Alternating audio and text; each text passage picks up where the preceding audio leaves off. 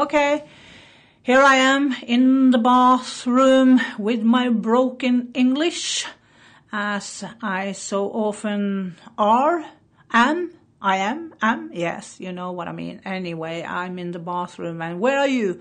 If you are in the bathroom, you can raise, stretch your left arm. Yes, yes, come on, stretch, stretch, stretch. Oh, very good. Okay, let's start.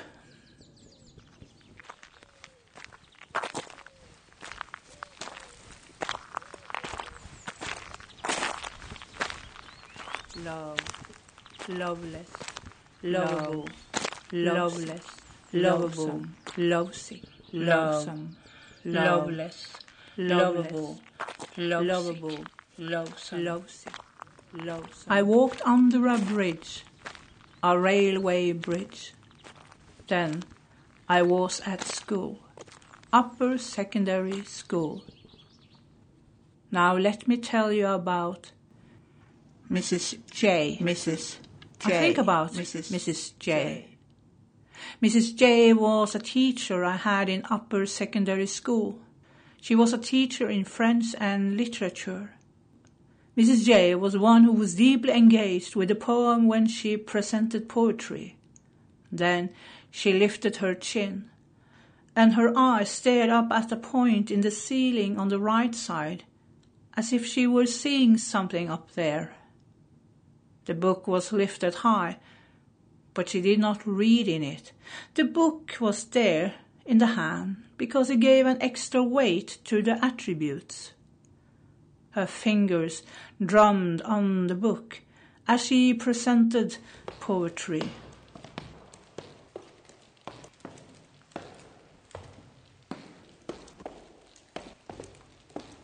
Let me take you to this farm this isolated place by the ocean, there was a farm. There on the farm lived a man and his wife, their son and daughter, and a slave and a slave woman. The daughter was clever and a wise young woman. The son was a trickster full of mischief. The husband, the farmer, was a quiet man. But his wife was the one who was the driving force on the farm. The farmer had a hunting dog named Lere, this dog always followed the family and stuck his nose in things here and there.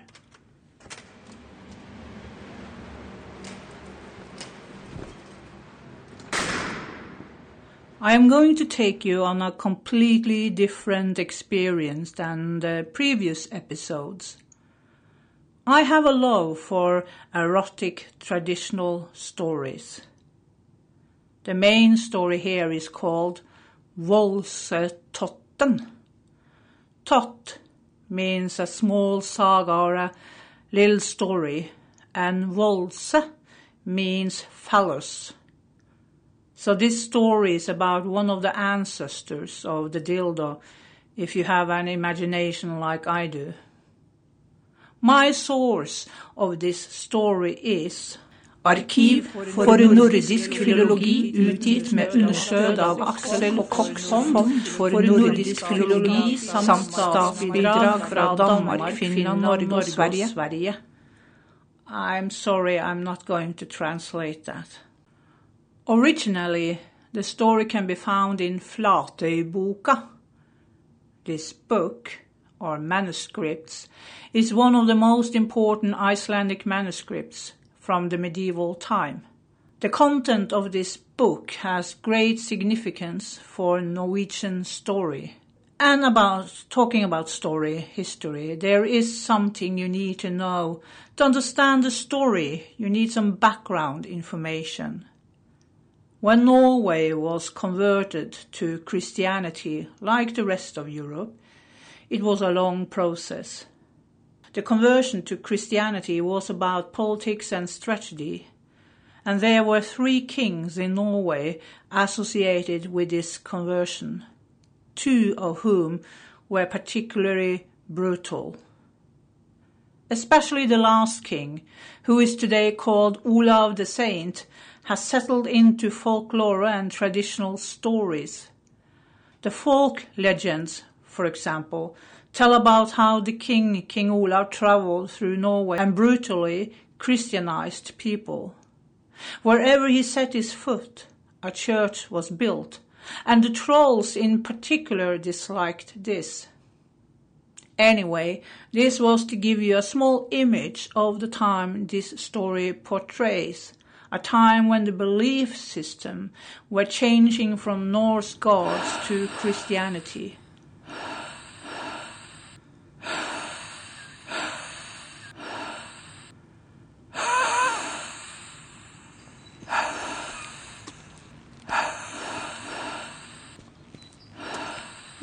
Mrs. J. Mrs. I'm thinking about Mrs. J. J. Mrs. J may not have been a striking beauty, but she spoke low, had some tender about her, was both blonde and tan, had marked jaws and very long legs. Love. Loveless, Lovable. loveless, Lovable. Love. lovesome, loveless, Lovable. Lovable. Lovesick. Lovesome. on this isolated farm. Well, it was a farm like elsewhere. In the autumn, one of the horses, the working horse, died. The horse was fat and could be used for food, so the slave butchered the horse. But when the slave cut off, the male member, the son on the farm came running. He grabbed it and ran into the house where the mother and daughter and slave sat. He swung it around and said, would you like, Would you to, like have to this have this hard, hard stuff, stuff between your legs, slave slave woman? woman? The slave woman laughed, but the sister snorted and asked her brother to get rid of that disgusting thing. The wife got up, sneaked over to the boy, and snatched it out of his hands. This huge member will probably be handy. She hung it up to dry and then she wrapped it in a linen cloth with onions and other herbs so it would not rot, and then she put it in a chest. There it lay waiting to be a holy thing, waiting to become the sanctuary of the family. Soon it, the thing called Volse, smelled of spices and I do not know what. Then it was ready for use and do its sacred duty.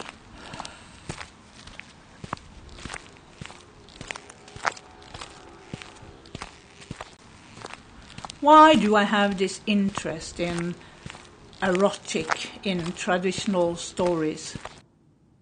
This is because, among other things, it points to a cultural memory as censorship. Cultural memory is about the transmission of tradition through generations.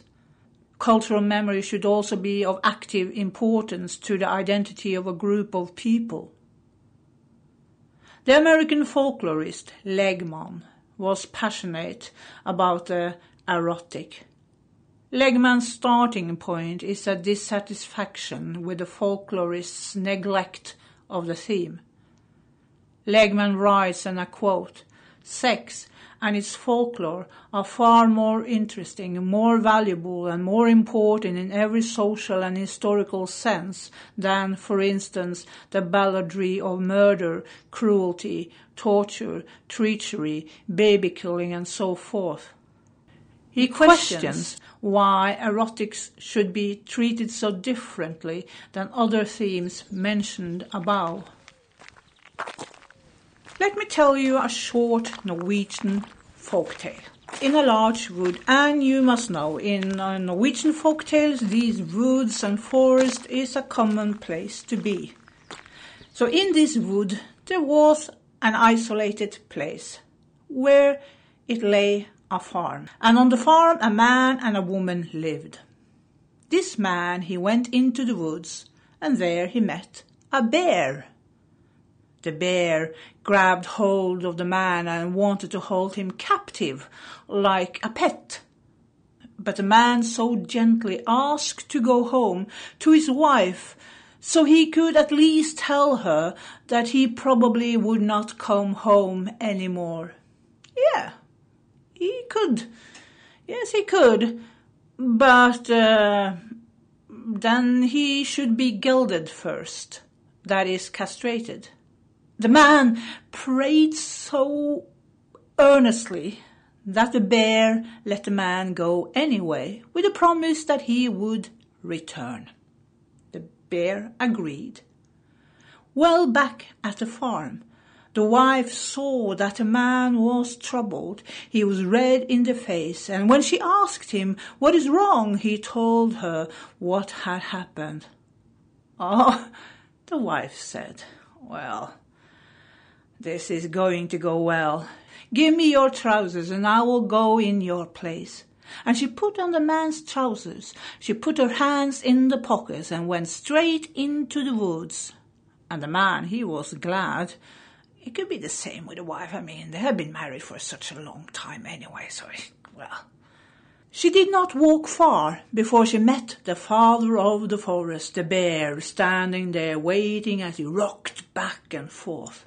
The wife met the bear without fear and pretended to be the man. The bear would now geld what he thought was a man. The bear asked her to lie down on her back and then he sharpened his claws for the operation. The wife lay down on her back and spread her legs. The G spot. The G spot. I'm sitting in Oslo, maybe something similar to the G spot of Oslo, one of them. Uh, I have walked to the bridge, which is called the Fairy Tale Bridge, and the reason is that you know in Oslo you cannot take the um, collective transport because of the corona, so you have to walk everywhere. So this place is a walking distance from where I live, around 25 minutes walk. Oh, there I see a bumblebee looking for something food, some nectar, I think. Anyway, the fairy tale bridge. So why? Why have I walked to the fairy tale bridge? Because it's quite erotic, actually. It is uh, four statues on this bridge First of all, you have four animals, quite huge animals, and on those and on those uh, four animals, they are sitting four characters, and they are completely naked, young. I mean, in their best age, just I guess I would think around uh, beginning of twenties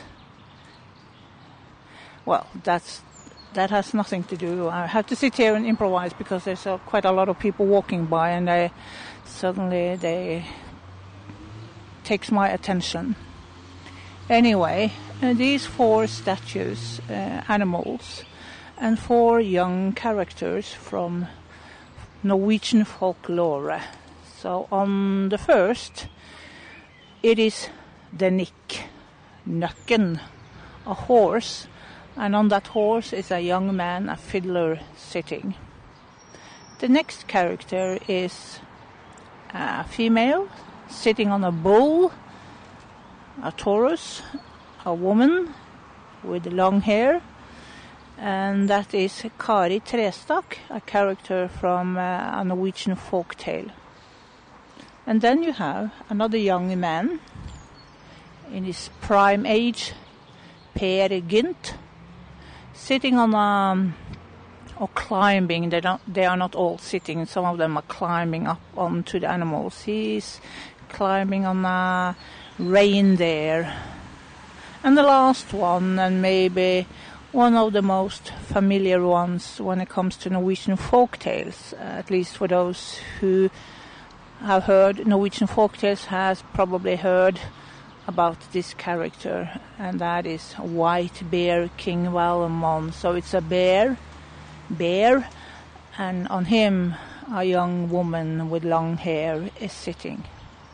Yes, it's quite erotic, and the bridge crosses a river called Akerselva, which goes through whole Oslo, sort of, almost, in the middle of Oslo.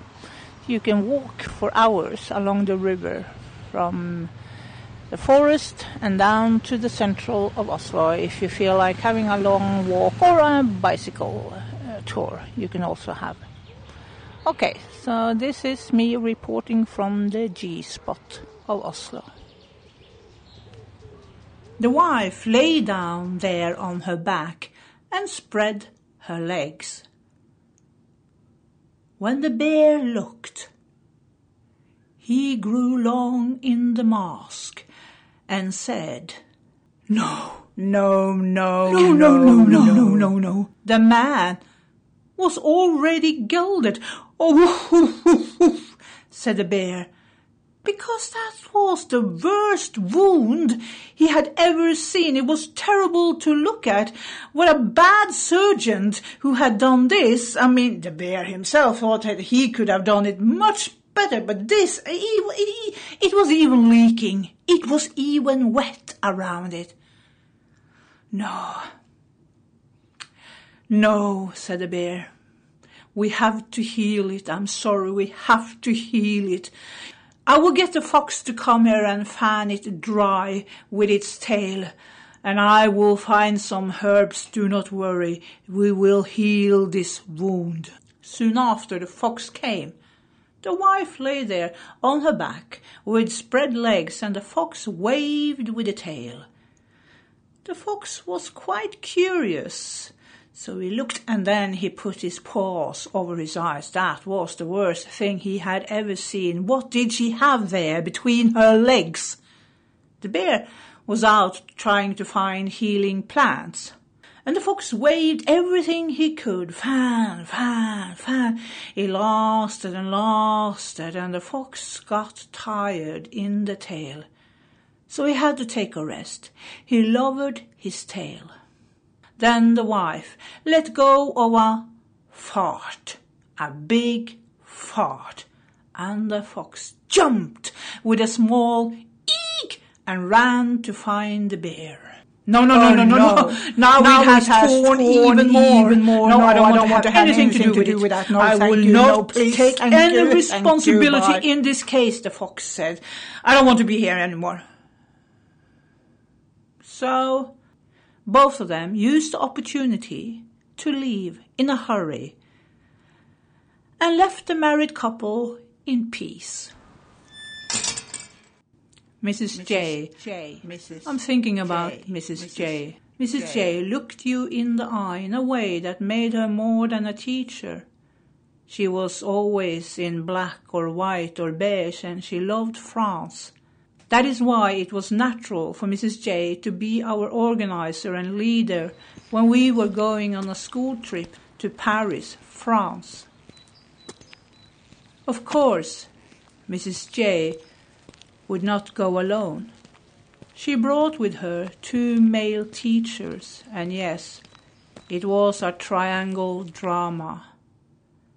I guess that both of the male teachers were on this tour because they liked Mrs. J's cool beauty and sheer presence.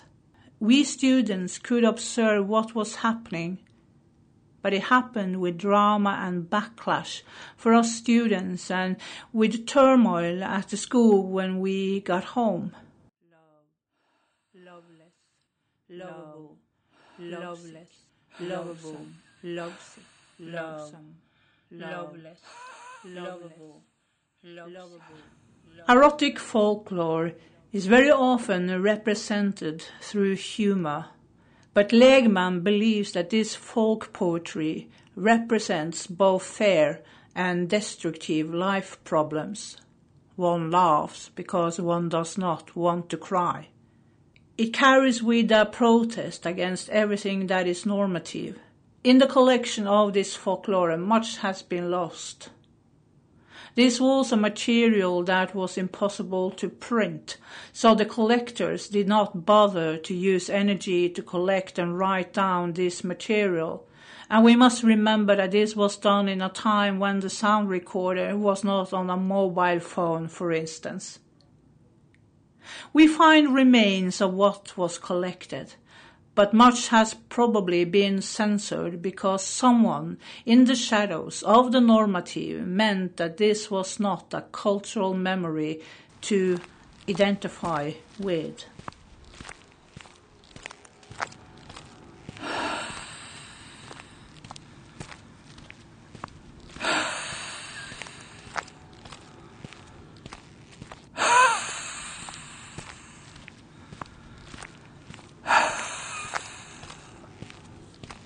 Mrs. J. I'm thinking about Mrs. J. Mrs. J made a choice.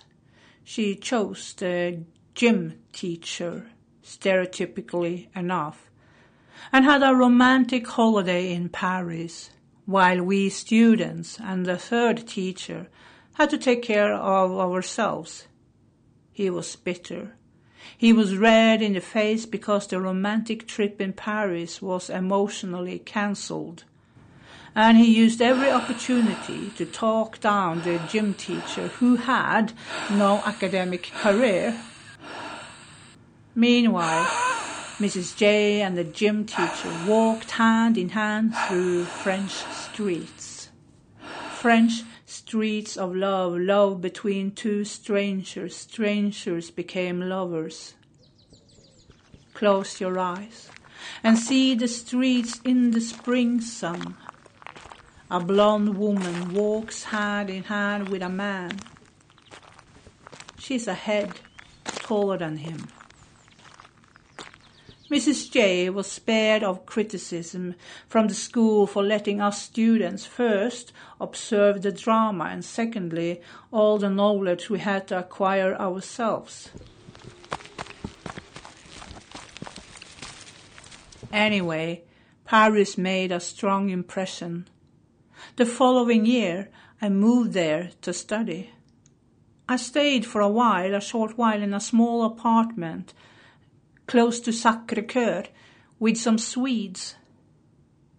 One day, while sitting in the living room, I hear Norwegian voices in the streets. I open the windows and look out.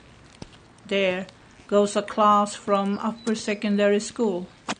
And of all the schools in Norway, it was my old upper secondary school. And of all the teachers, it was Mrs. J who walked there. And two male teachers, but not the same ones who had been there the year before when I was a student. She was a queen, with two male bees serving her plenty of nectar.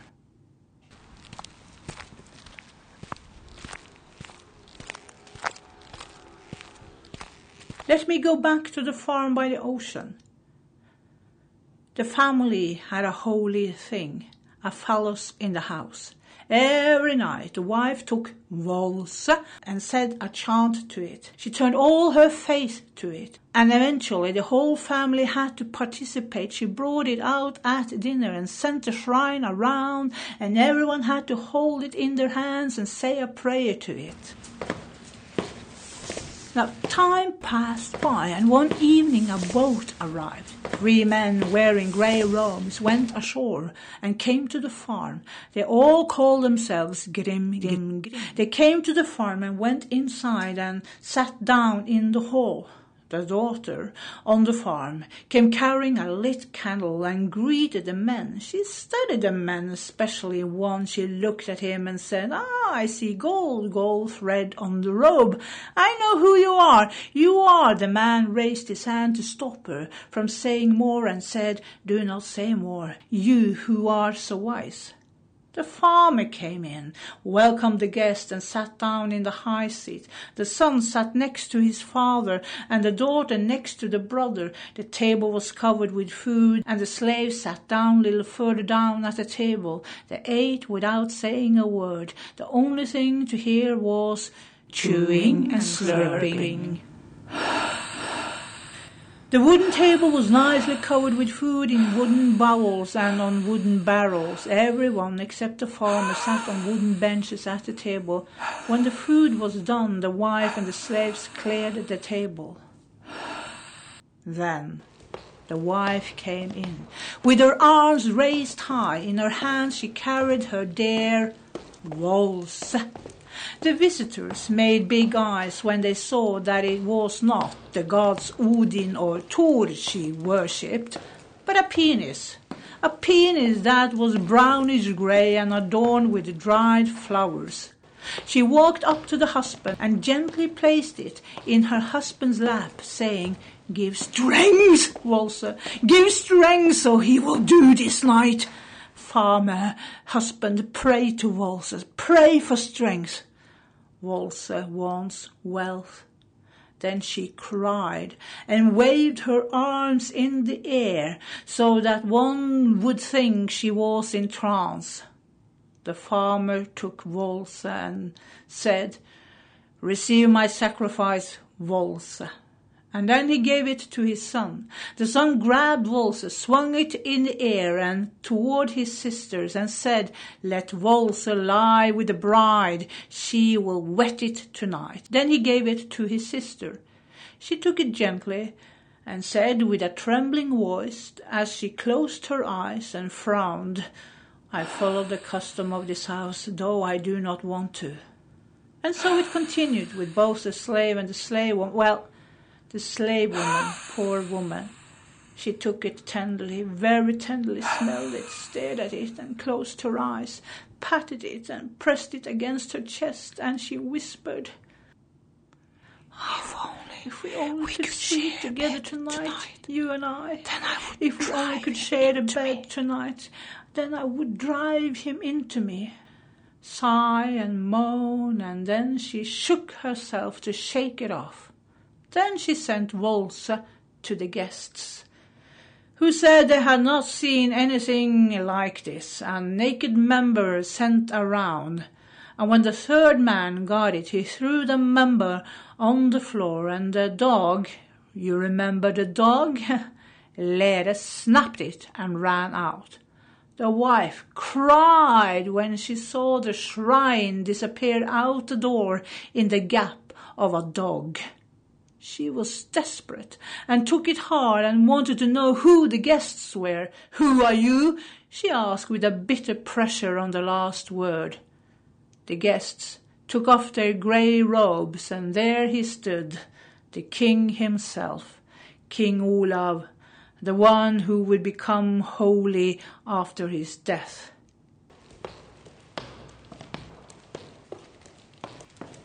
He converted them immediately to Christianity. Otherwise, they would, well, they had no choice. Even though the wife took it very hard. That's how it is with that case. Dot and done.